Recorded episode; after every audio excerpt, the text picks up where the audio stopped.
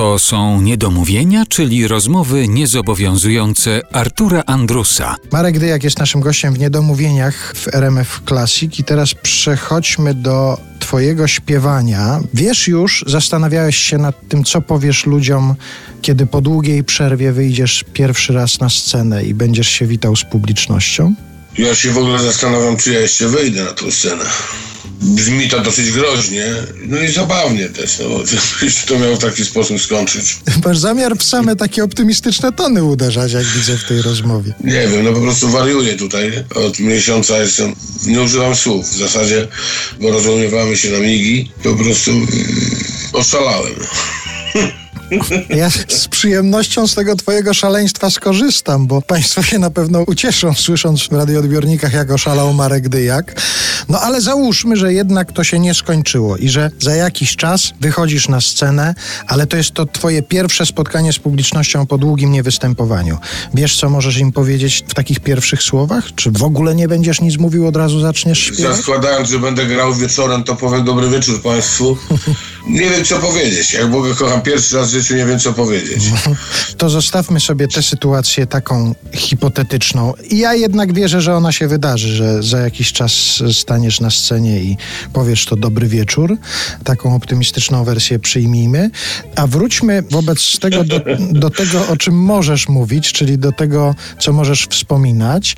Ja się zastanawiałem, pewnie gdzieś bym znalazł te informacje i może ty już parę razy o tym opowiadałeś, ale nie trafiłem na to. Jakie było twoje pierwsze pojawienie się na scenie? Bo ja sobie, prawdę mówiąc, mało wyobrażam Marka Dyjaka jako takiego drobniutkiego blondynka w drugiej klasie szkoły podstawowej, który śpiewa piosenkę o pszczółkach na przykład. No, o pszczółkach nie śpiewałem. Zaśpiewałem bardzo smutną balladę dla mojej mamy i wszystkie panie płakały. I było bardzo, bardzo. Ja też się rozpłakałem, uciekłem z klasy. A to była rzeczywiście podstawówka jakaś taka wczesna. To była podstawówka dla smutnych poetów. A gdzie taka jest? To jest taka, w mieście, w którym się wychowałem, w Świdniku, jest czwórka szkoła i tam pamiętam, że chodziło o to, żeby coś zaśpiewać. I jak nauczycielka usłyszała, jak śpiewam Matko moja, ja wiem, to była tak smutna ballada, że te wszystkie matki natychmiast zaczęły płakać. Natychmiast. Zrozumiałem, że wszyscy płaczą, jak śpiewam. I tak mi zostało. Na moich koncertach ludzie płaczą.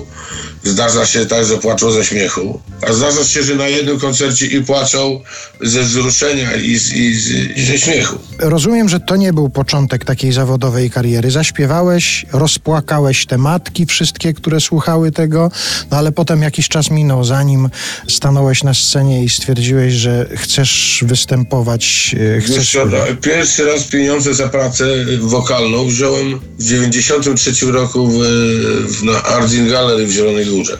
Pamiętam jak dziś, bo zawsze sobie to wspominam, to, to, to było coś oszałamiające, to było coś wstrząsające, coś, wydawało mi się, że wszystko już jest przede mną i, i tak dalej, i tak dalej. Zrobiłem co mogłem, zaśpiewałem, podobało się i jeszcze kilka razy mi się to wydarzyło w życiu, więc y, przekonany jestem o tym, że przynajmniej mogę powiedzieć, że byłem śpiewakiem. No dobrze, ale do tego pierwszego razu ktoś cię zaprosił, to znaczy ktoś postanowił, że Marek Dyjak może stać na, na scenie i śpiewać e, piosenki. Ty się pojawiałeś wcześniej na jakichś festiwalach, na jakichś przeglądach? pojawiałem się na jakichś festiwalach i przeglądach i tam śpiewałem Rafała Wojaczka. Czyli już nie muszę nikomu mówić, że jest to smutne. Podejrzewam, że większość y, Polaków wie, kim był Rafał Wojaczek. I, i, i popadałem w coraz większą melancholię, aż do dzisiaj. Kiedy to z tej melancholii próbujecie wyrwać jakoś? No właśnie wiem, widzę to i, i po prostu cały czas mi się chce śmiać po prostu, bo, bo, bo to się przecież nie może tak skończyć.